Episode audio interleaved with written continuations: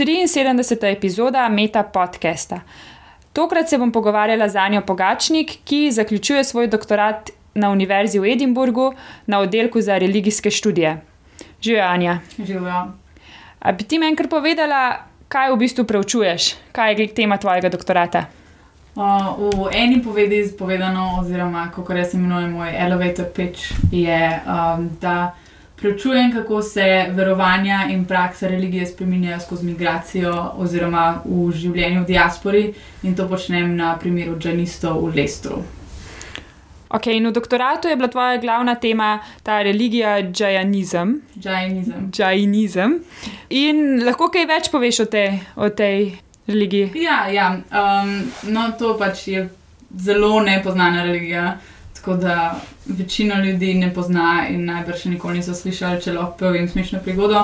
Pač v angleščini se Janist reče Jane in en kolega, teolog, je mislil, da jaz preučujem ženske, ki se imenujejo Jane. Uh, tako da tudi ljudje, ki se ukvarjajo z religijo, ni nujno, da vejo, da ta religija obstaja. Uh, tako da ja, to je nekakšna religija, ki izhaja iz um, indijskega polotoka, podceline in se je razvila nekako v istem družbenem okolju in istem času kot budizem, se pravi nekih uh, 500 let pred našim štetjem. In ima, ker izhaja iz nekega podobnega kulturnega milijoja, kot, so, kot sta budizem in hinduizem, si deli neke tudi podobne elemente, kot so recimo, uh, verjamejo v reinkarnacijo, verjamejo v karmo in v, v to, uh, da se lahko osvobodijo iz tega kroga reinkarnacij. Um, To pa pač potem na malce drugačne načine počnejo, kot recimo budisti ali pa hinduisti. Uh, in sicer oni to počnejo predvsem z tem, da um, kot primarno načelo vzamejo ne nasilje in to nekako izpeljajo do nekih ekstremov. Um, in recimo to ne nasilje velja tako za v dejanjih, besedah, mislih, uh, velja za dejanje, dejanja ki, ali pa besede, uh, ki so bila povzročena namerno ali pa ne namerno, recimo njihov največji praznik oziroma osemdnevno praznovanje se nekako zaključi z, dne, z dnevom, kjer uh, prosijo drug drugega za odpuščanje za stvari, ki so jih mogoče naredili, ki so jih prizadele in take stvari. Tako da to ne nasilje nekako izpeljejo v eno stran, po drugi strani pa tudi askezo v smislu um, odrekanja stvarem, tako hrani, recimo, veliko se postijo.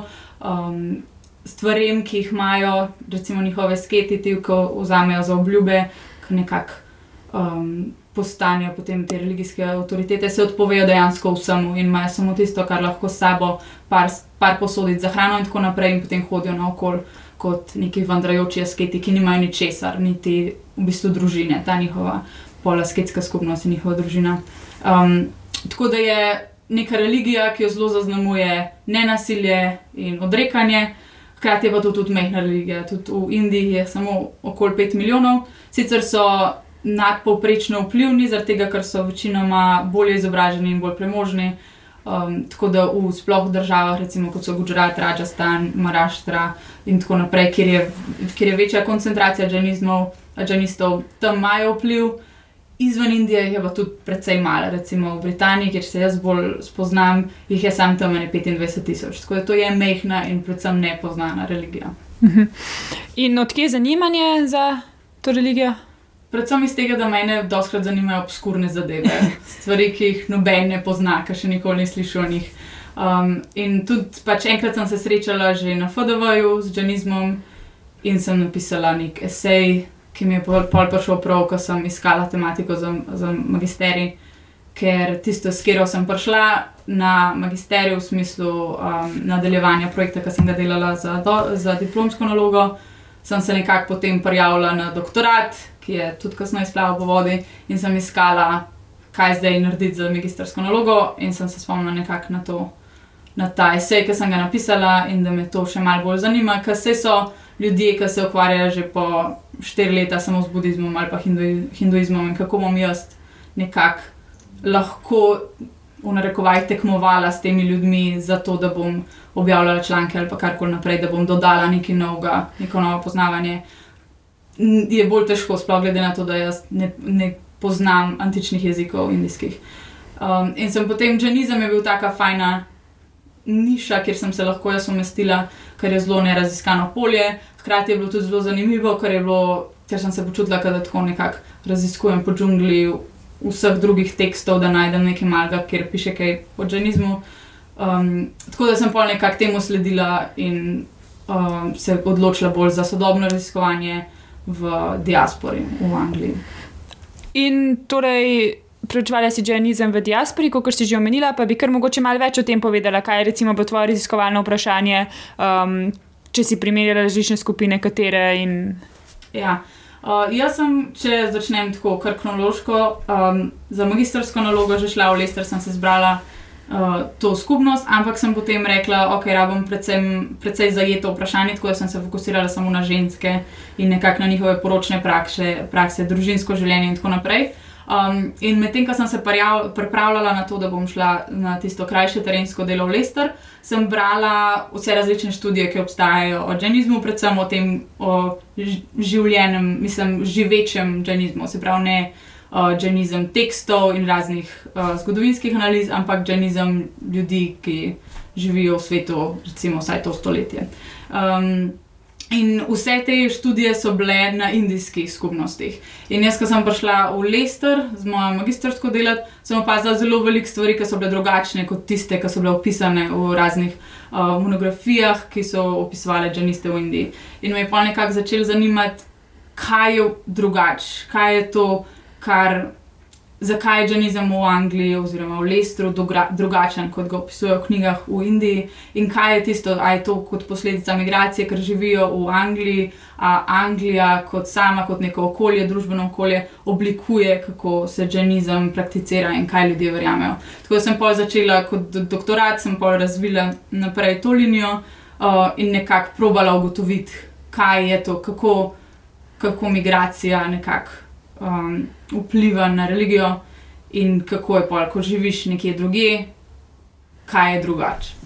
Kako pa to, da si Lester zbrala kot uh, mesto raziskovanja, ker to je v. Kako bi rekli, v sredini nekako uh, Združenega kraljestva, ni, ni na škotskem, no? ne, ne, ne, um, je v Angliji.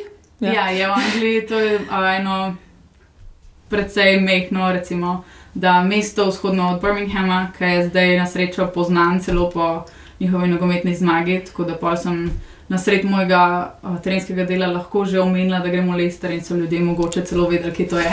Um, ampak Lester v bistvu poleg te nogometne zmage, po čemer je znanje po pač svoji uh, raznolikosti, po diverziteti prebivalstva in sicer je bilo pač na zadnjem popisu prebivalstva 2011 predviden, da bo Lester prvo mesto kjer bojo uh, manjšis, manjšinske etnične populacije prerasle belo populacijo. Tako da je zelo raznoliko mesto uh, in tam je tudi zelo veliko indicov.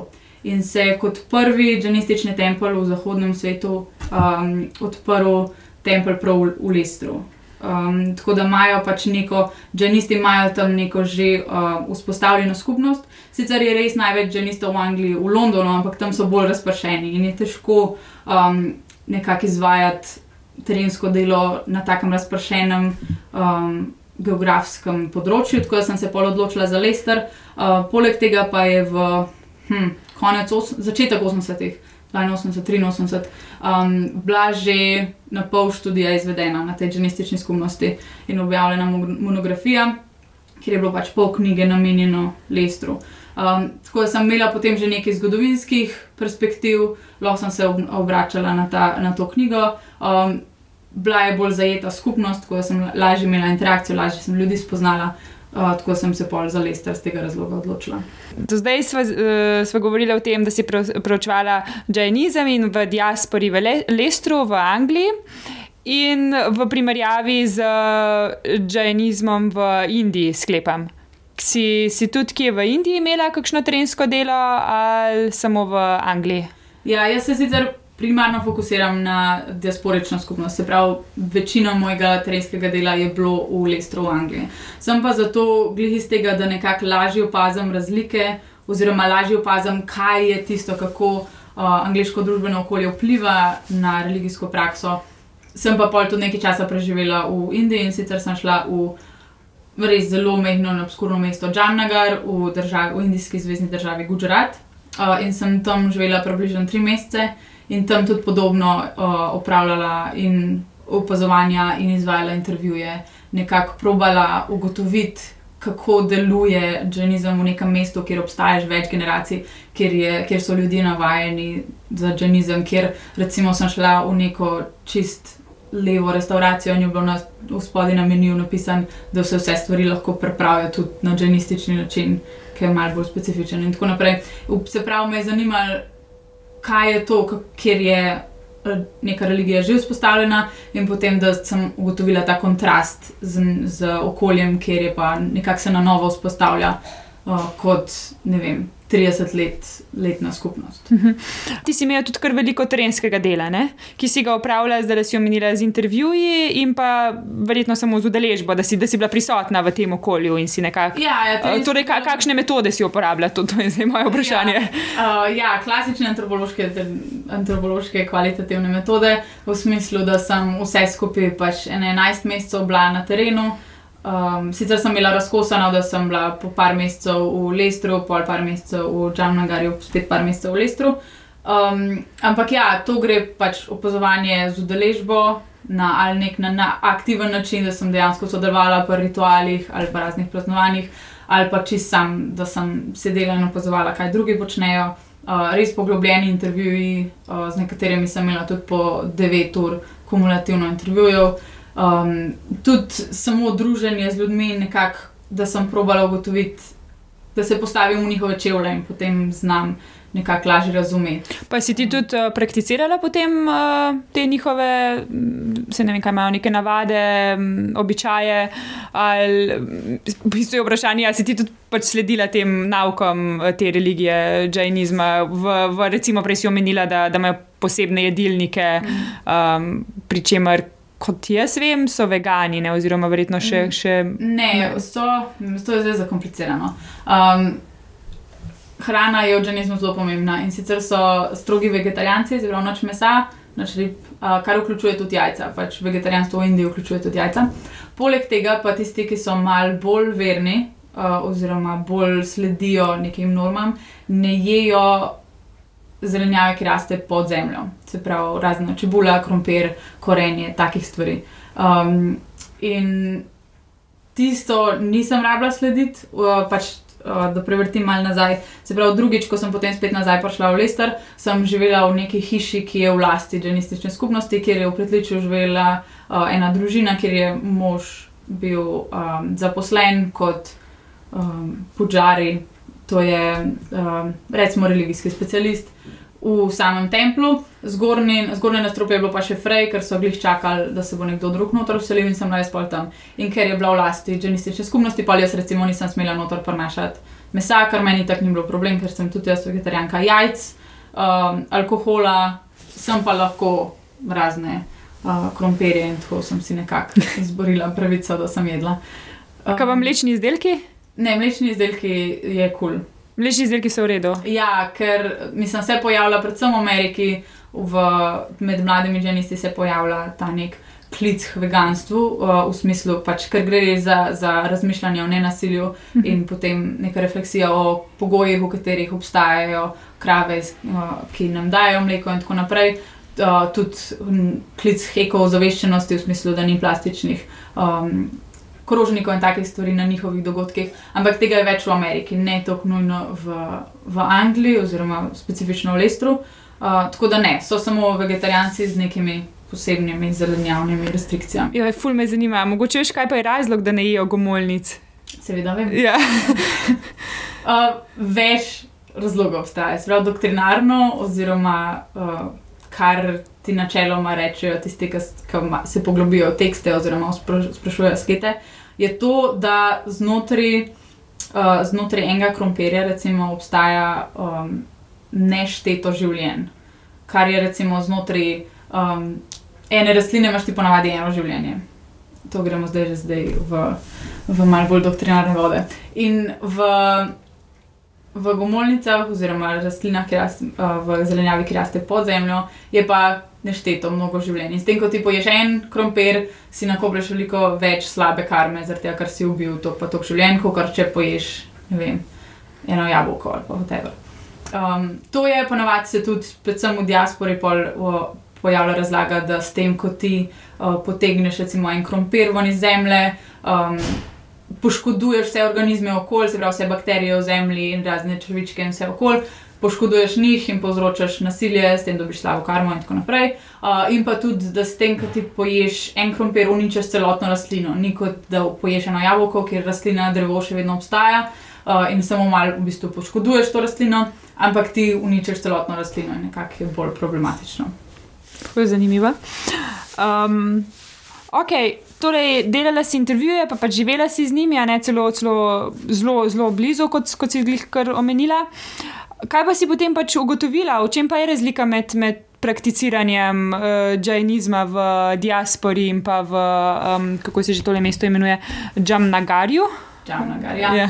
Um, ja, več stvari je, ki so mogoče pač specifične za to skupnost oziroma za to religijo. Um, in ena je, da tega še nisem omenila, da večina um, lesterskih džanistov, oziroma tudi kar velik procent lesterskih indicov nasploh, so dvojni imigranti, kar pomeni, da niso prišli direktno iz Indije, ampak so prišli iz vzhodne Afrike.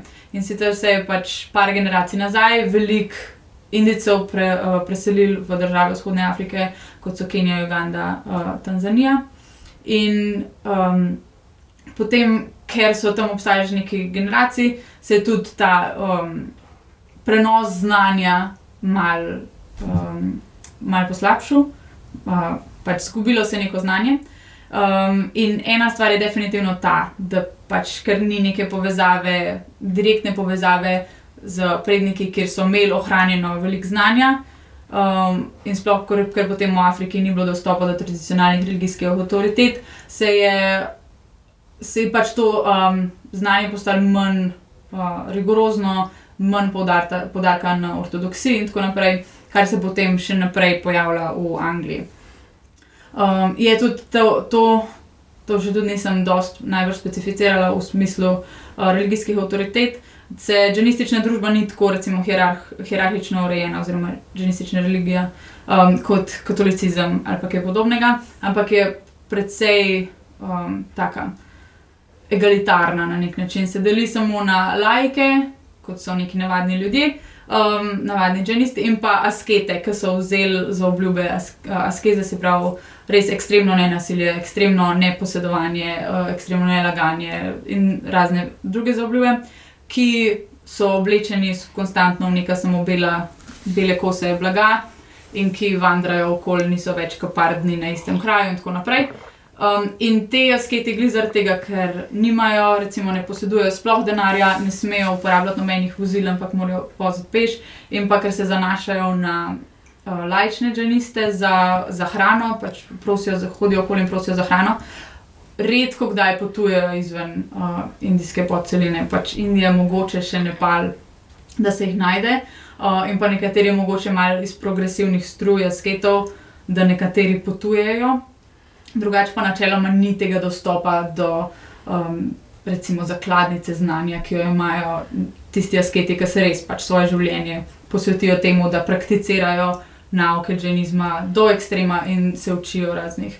Uh, pač berejo njihove tekste, se jih učijo na pamet, posedujejo to znanje, učijo uh, ljudi pol naprej. Um, in zaradi tega, ker ni tega dostopa do asketov, ni, ni neke jasne poti, koga zdaj pa zdaj vprašati, če nekaj ne veš lahko vprašaš uh, ljudi, ki so ali v tvoji družini, sorodstvu ali pa v skupnosti, ki malo več znajo, ampak ni nujno, da ti bojo znali razložiti. Um, Tu zdaj govoriš v primeru diaspore, ja, oziroma v primeru že na začetku, verjetno, ko so se pač selili iz tega. Ja, zdaj za, za vzhodno Afriko ne moremo. Ja, ja, to seveda. Ja. Nazaj. Uh, je pa pol nekako v 70-ih so pa začeli hoditi, uh, mislim, so pr prišli zaradi tega velikega pregona v vzhodne Afriki po osamosvojitvi držav. Um, jih je dosti prišlo v Anglijo, sicer v Lester, in potem tukaj v Lestru specifično um, se, se, ta, se to še bolj ta pač bifurkacija naredi, ko je v Indiji res lahek dostop do asketov in njihovega znanja, njihove avtoritete, medtem ko na drugi strani v Lestru in tudi uh, druge, recimo v Ameriki ali pa v Avstraliji, če živijo um, dženisti, tudi tako bolj oddaljeno, pa ni. In je potem tudi pride, kot sem že govorila, pr, uh, recimo pri mojem magistrski o, uh, o dženističnih ženskah, je veliko bolj sproščeno to uh, razumevanje, kaj pa zdaj bi bilo treba delati, ali pa tudi v praksi. um, se veliko manj poudarja hrana, recimo sledenje vsem tem normam. V, v Gujaratu, no, Gujarat je ok, specifičen primer, ampak tam je zelo redko. Da slišiš, da kdo sploh probo alkohol v njihovem življenju. Gujarat je ta država v Indiji, v Indiji ja. kjer. Uh, Medtem ko v, sploh med mladimi v Lestru je alkohol neka normalna zadeva, uh, oziroma v veliko večjem procentu. Um, tako da so neke take stvari, uh, hkrati tudi prihaja v Lestru do, uh, do jezikovne pregrade, v smislu, da starejše generacije se bolj udobno počutijo v jeziku Gujarati, ki je, um, ki je njihov kot materni jezik, tudi izhaja nazaj iz Gujarata, ki ga mladi sicer govorijo, ampak ne za dost, da bi pa imeli neke teološke debate in se bolj počutijo udobno v, uh, v angleščini. In sploh recimo v tem obdobju zadnjih deset let so imeli nekega religijskega specialista, kot bi rekel, na nek način je izpolnjeval vlogo. Ki v slovenskih crkvah izpolnjujejo duhovniki. Pač, uh, pridigal je, razlagal stvari, in tako naprej, um, vodil rituale, pomagal skupnosti, da se je ustvarjala in si izmišljal dogodke, in tako naprej. Um, in če so njega hoteli vprašati, on je zelo slabo govoril angliško, pač uvozili so ga, v bistvu ga je skupnost uvozila iz Gujarata in ni znal. In tako da so mi mladi doskrat rekli, da ja, se mi kaj vprašamo, ampak ne moramo pa njega vprašati, ker mi ne znamo dost. Gujarati, ja, on ne zna dost angliščine.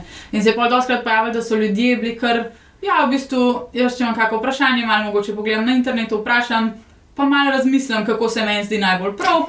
Pa, pa pač tako je. Uh, tako da je veliko bolj bilo odprto, pa je bilo veliko več um, prostora za inovacije, tudi v tem smislu, da je veliko bolj odprta postala religija uh, in, in nekako se je začela spreminjati. Jaz mislim, da se te pojavljajo neki zametki, uh, nove, nove oblike prakticiranja Dženimaka, pa bo mogoče zdaj, ko bo ta mlajša generacija, uh, ki je trenutno tam stara do 30 ali pa mogoče do 35, ko bojo pol zrastali, oziroma se postarali in po, nekako začeli voditi skupnost, ki je zdaj vodijo, predvsem 60-letniki in tako naprej, ali pa še starejši, da se bo pa res pokazala ta sprememba, v kakšno smer je, je šel džanizem kot posledica tega, da obstaja v Angliji. Okay. Um, še eno vprašanje imam. Torej, Preučevala si specifičen primer, specifično religijo, lahko ti te svoje izsledke, oziroma kar si spoznala, nekako preneseš na kakšne druge religije, uh, ali je pri, pri njih kaj posebnega. Mogoče lažje preneseš, glede na to, da gre za indijsko religijo, na, na pač ostale religije. V Aziji, oziroma ki izhajajo, lahko tudi kaj poveš o tem, kako se pa recimo druge religije, ki jih najdemo v diasporah. Um, kaj, kaj bi, imaš kakšno pričakovanje, oziroma poznaš kakšne podobnosti tudi iz literature, ali, ali gre res pri vsaki religiji za neč, nek poseben primer in ne moreš preveč um, posploševati na večji vzorc? Ja, definitivno so neki elementi, ki jih. Se jih ne da posplošiti, posplošiti, recimo, sploh v tej skupnosti, gre za dvojne imigrante. Tako da je pač to neka njihova specifika, ki mogoče jih uh, migranti, ki prihajajo direktno iz njihove države izvora, uh, oziroma države, kateri se čutijo, da nekako pripadajo etnično, kulturno in tako naprej, um, da se tja ne da te stvari aplicirati.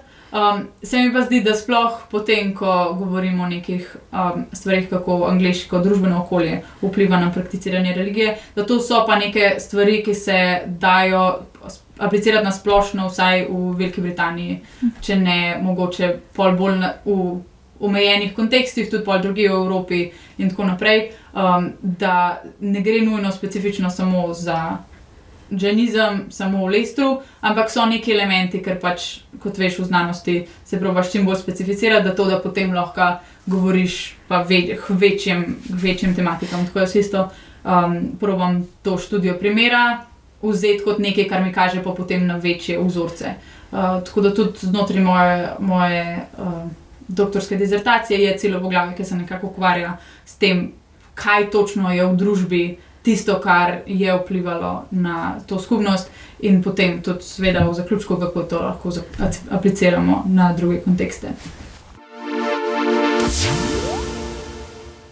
Ok, pa smo pri drugem delu vprašanj.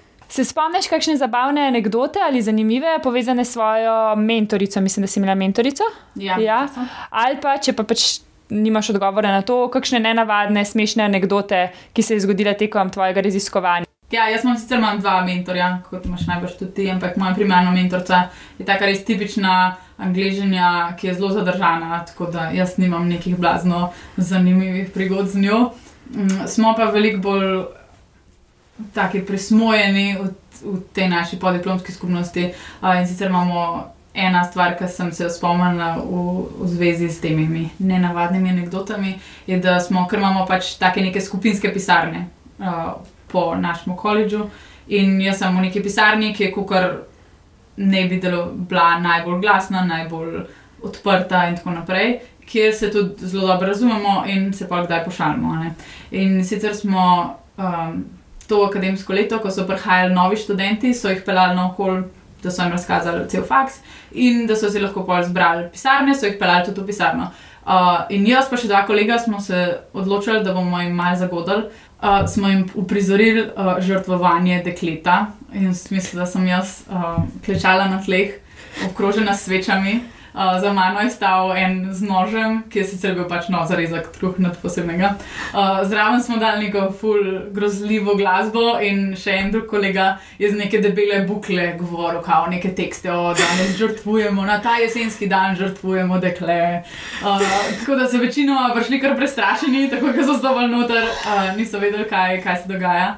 Uh, in ja, no, letos smo dobili zelo malo novih ljudi v našo pisarno.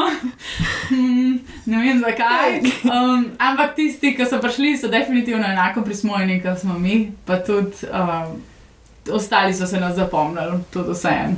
Ja, to se potem kar lepo, lepo um, poveže z naslednjim vprašanjem, se mi zdi. Predvsem glede na to, da, da je verjetno pomemben del doktorskega študija imeti fajn uh, sodelavce in sodelavke v prismojeni pisarni. Ampak torej, drugo vprašanje je. Kako so, od, uh, kako so se od opisa do danes spremenila tvoja pričakovanja glede doktorskega študija, in ali bi se ponovno odločila za doktorski študij?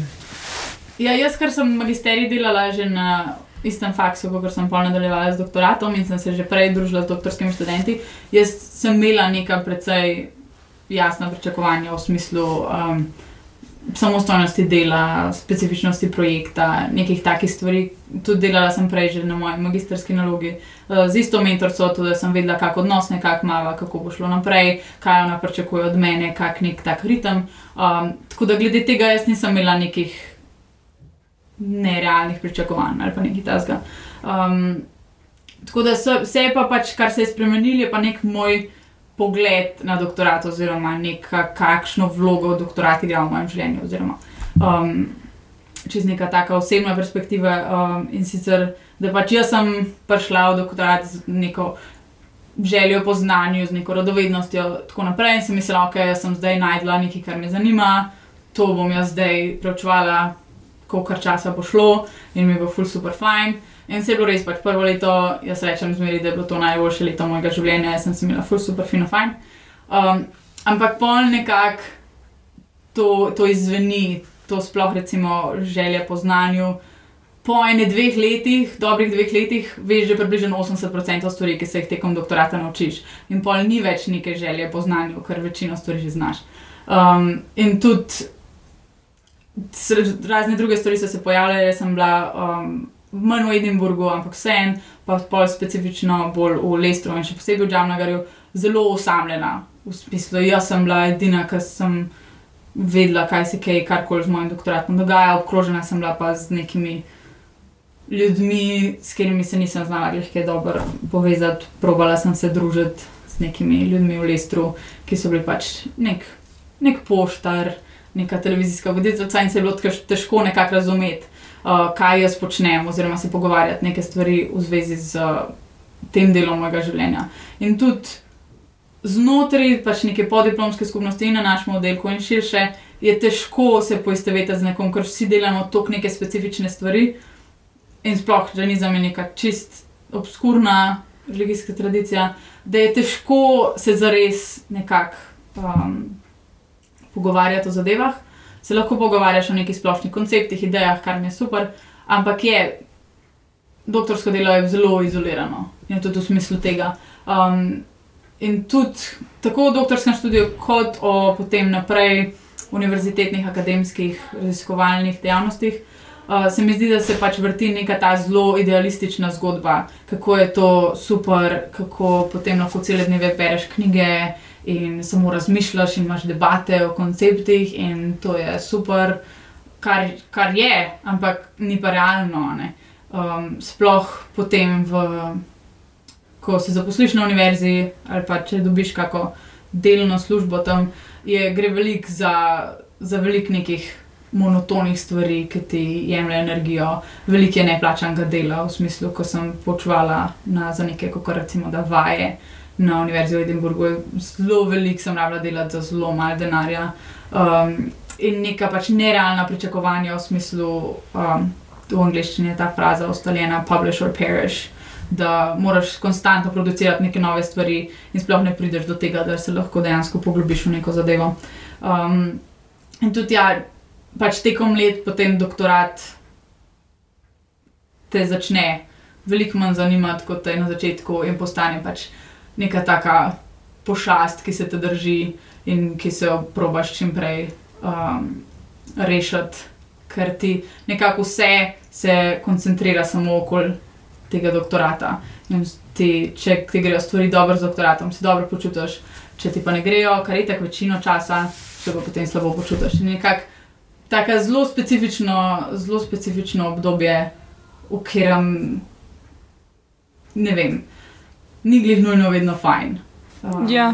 In pa, a si ga, kaj si hodila reči? Ne, ne, neč kar, kar zaključi. Um, in ja, če v smislu, če bi hotla, če bi še enkrat šla delati doktorat. Um, Zdaj, drugega, jaz ne bi šla delati, za nazaj pa nočem, mislim, ne mislim preizpraševati svojih odločitev. Pač v tistem trenutku je bila doktorat definitivno pravilna odločitev.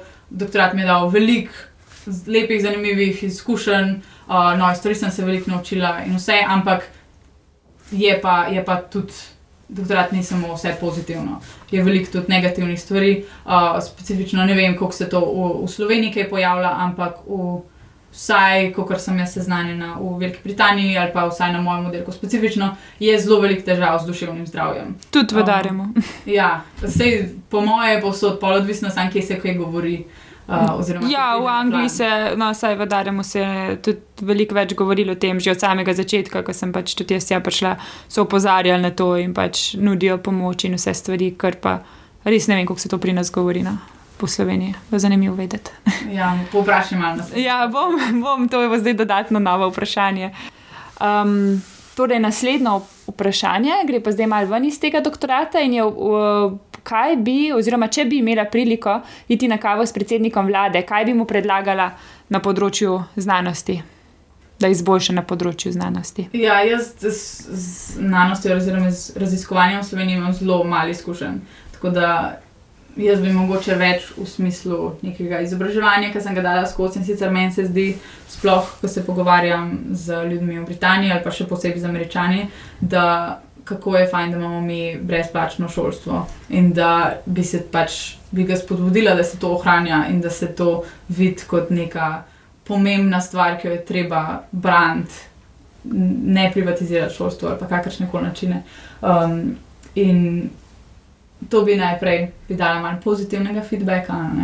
Um, pa pa ja, kar me, kar me malo zbode v slovenskem okolju, je ta predvsem um, zavračanje oziroma ne, ne preveč dobre konotacije, ki jih ima družboslovje in humanistika predvsem kako se sprejema na enakih nivojih, recimo doktorat iz družboslovja in doktorat iz naravoslovja, nekako nista videna uh, enak oziroma enakovredno.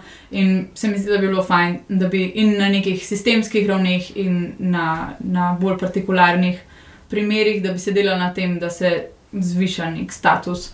Oziroma, sprejemanje družboslovja in družboslovnih znanosti v, v družbi. Um, tako da, pol tudi se mi zdi, da bi bilo fajn spodbujati čisto na neki mogoče primerih dobre prakse ali pa na neke različne stvari, uh, višanje kvalitete študijev. Uh, naprimer, tudi meni se zdi, da v Sloveniji manjka, da bi poleg tega. Da imajo profesori neke raziskovalne kompetence, da se poudarja tudi njihovo pač to predajanje znanja, ki včasih ni glih najbolj optimalno.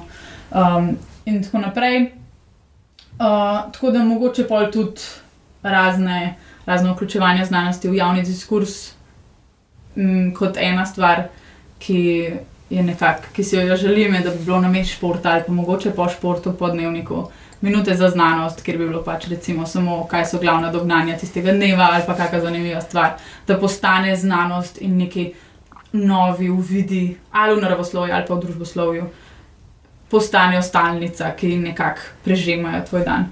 Tako da, ja, poleg tega pa, uh, pač poleg nekih državnih investicij v znanost in raziskovanje, ki najbrž vsak reče, da prvo, kar je treba, je denar, se mi zdi, da je tudi fino, če bi se ti raziskovalci, ki so že nekako v raziskovalni srednji ali pa akademije, profesorje.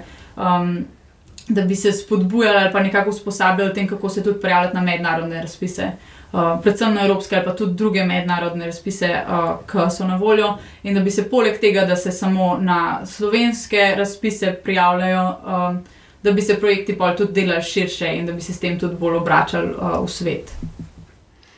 Ok. Veš, kaj boš počela čez pet let in kaj čez 40 let, ali kakšne so tvoje želje? Um, je zanimivo, da je mi lažje odgovoriti, kaj bom počela še 40 let, kot čez pet. Uh, in sicer še 40, bom jaz stara tam že bolj proti 70, tako da bom takrat v, v, v pokoju. In sicer bom najbrž veliko potovala in veliko brala. Ne vem specifično, kje bom potovala in kaj bom brala, ampak tako nekako nekak se bodo stvari odvijale. Uh, za pet let naprej pa, pa težko rečem, zaradi tega, ker sicer sem do nedavnega, do dobrega leta nazaj mislila, da želim imeti kariero v akademiji, se pravi delati kot profesorica na univerzi in tako naprej.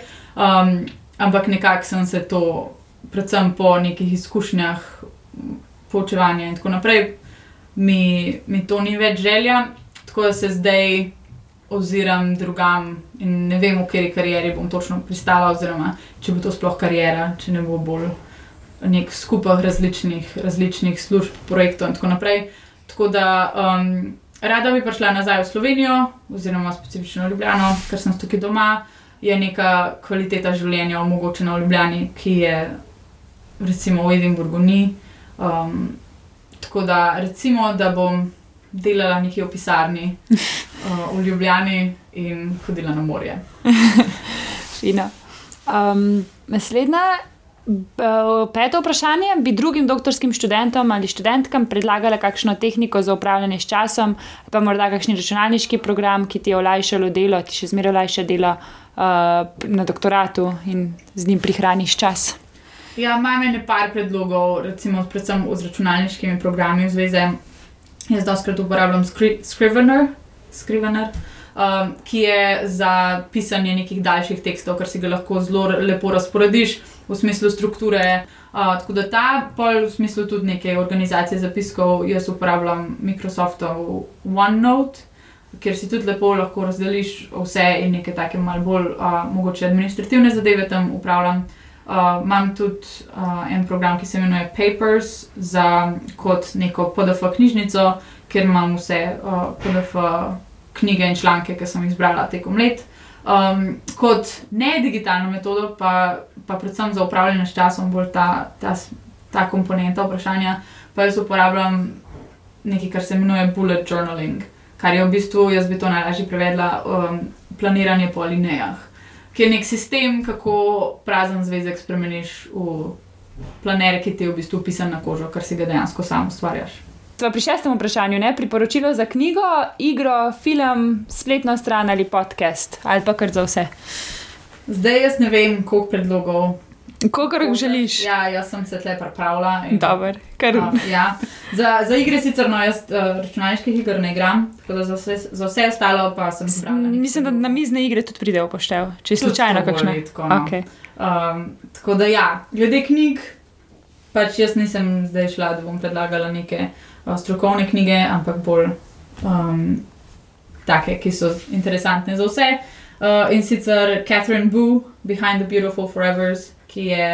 Um, Ni, ni roman, pač tako, kot se reče, um, non-fiction um, um, žanr literature. In sicer je pač neka novinarka, ki se je preselila v Mumbai in, uh, zaradi svojega moža, in potem je začela preučevati oziroma se družiti z ljudmi v enem izmed največjih slamov v Mumbaju in opisuje njihovo življenje skozi eh, zgodbo njiho, ene uh, specifične družine in zelo dobro predstavlja življenje v slamih, uh, v Indiji in tako naprej.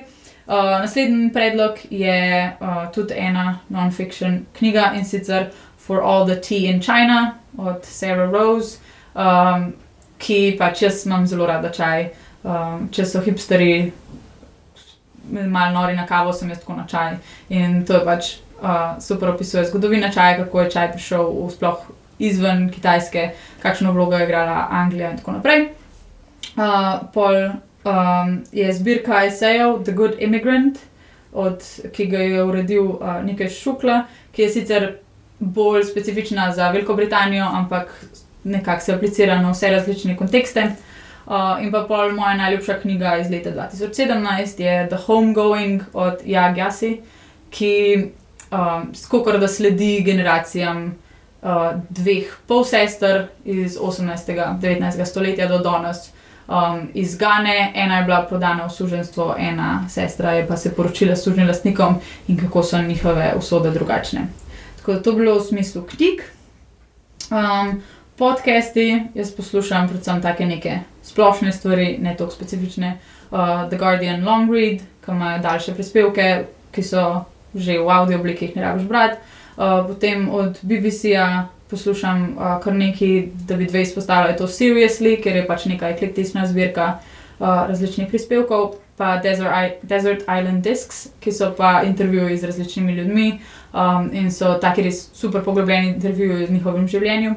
Um, Tako da potem uh, mi je pa od slovenskih, tudi nekih takih splošnih, mogoče bolj političnih zadev, mi je pa všeč uh, delova, uh, delo podcast od srede do srede. Um, tako da to je to.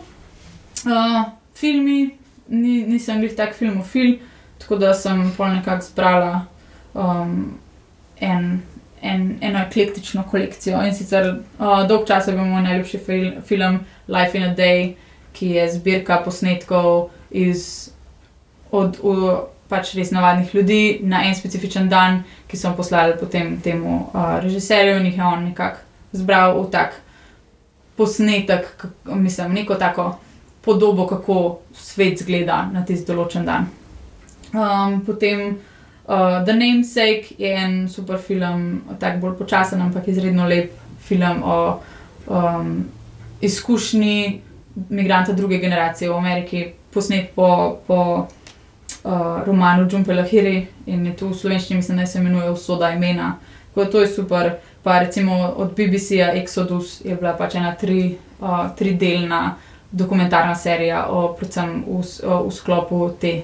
Um, Begunske krize leta 2015, ko so ljudem, ki so dejansko bili begunci, ki so potovali skozi to pot, dali kamere in so pač snemali svoje vsakodnevno življenje. Uh, Um, tako da tisti je fajn.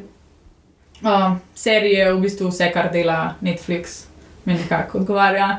Um, pa pa recimo še kak Boston Legal, pa Doctor Who, pa take zadeve. Um, za spletne strani pa jaz sem bolj za aplikacije gledala, tako da priporočam Goodreads za branje, Tošel za finance, to je tudi slovensko podjetje, tako da dajmo ga podpirati. Eh, Kindle za branje, potem uh, zadnje čase se, počutim, uh, se trudim malo pomiriti in uporabljam medita meditacijsko aplikacijo, ki se imenuje COM, se pravi CLM, tako da je fajn.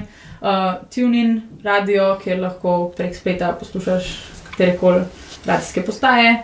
Um, in to bi bilo nekako to. Super, velik, velik nabor. Um, Še zadnje vprašanje. Koga od nam znanih ali neznanih bi povabila na večerjo, uh, če ne bi bilo nobenih omejitev? Ja, tukaj imam jaz tudi, kar se znam. Jaz, pač, ja, jaz tudi na splošno imam zelo rada take, taka velika druženja, kjer se več ljudi zbere. Uh, tako da za mojo večerjo bi bila potrebna kar dolga miza.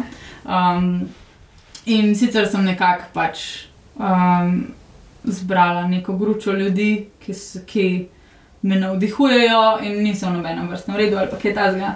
Jaz bi sicer povabila Malalo Jusufzaj, pač ta o, pakistanska deklica, ki je dobila Nobelovo nagrado. Uh, Mišel Obama, mislim, da ne rabim predstavljati. Če ima Amanda Ngozi Adiče, je nigerijska pisateljica, ki živi v Ameriki. Um, in je predvsem znana po svojih raznih romanih, tako za mlade, kot za odrasle, uh, in pa pač po neki, um, za, pač predvsem po zagovarjanju feminizma uh, in tako naprej. Uh, Mohandas Gandhi, se pravi Mahatma Gandhi, um, Stephen Colbert, pa Trevor Noah, ker zelo rada gledam njihove letne čove. Um, Nekako je lažje predelati, predelati novice in informacije, ki prihajajo iz Amerike, če to dobiš skozi nek komičen filter. Tako da to, to nekako. Um, Oscar Wilde, mogoče še Martin Luther King, uh, Ella Fitzgerald, če bi ostal pri pevkah, mogoče že celo Beyoncé, uh, pa Jumpa Lahiri, pa če bi glih mogla še malo religijskih stvari noter dati, um, mogoče bi probala najti, če obstajajo Buda in pa um, dženistična ekvivalenca Bude Mahavira. Tako da, poleg tega bi pa jaz povabila še vse moje prijatelje in družino, da jih pač spoznajo. Bilo je res ogromno mizo. ja, ja, to je bilo bolj kot tak konvenčni center na jeta. ja, super. Hvala, Anja. Ni za kaj, z veseljem.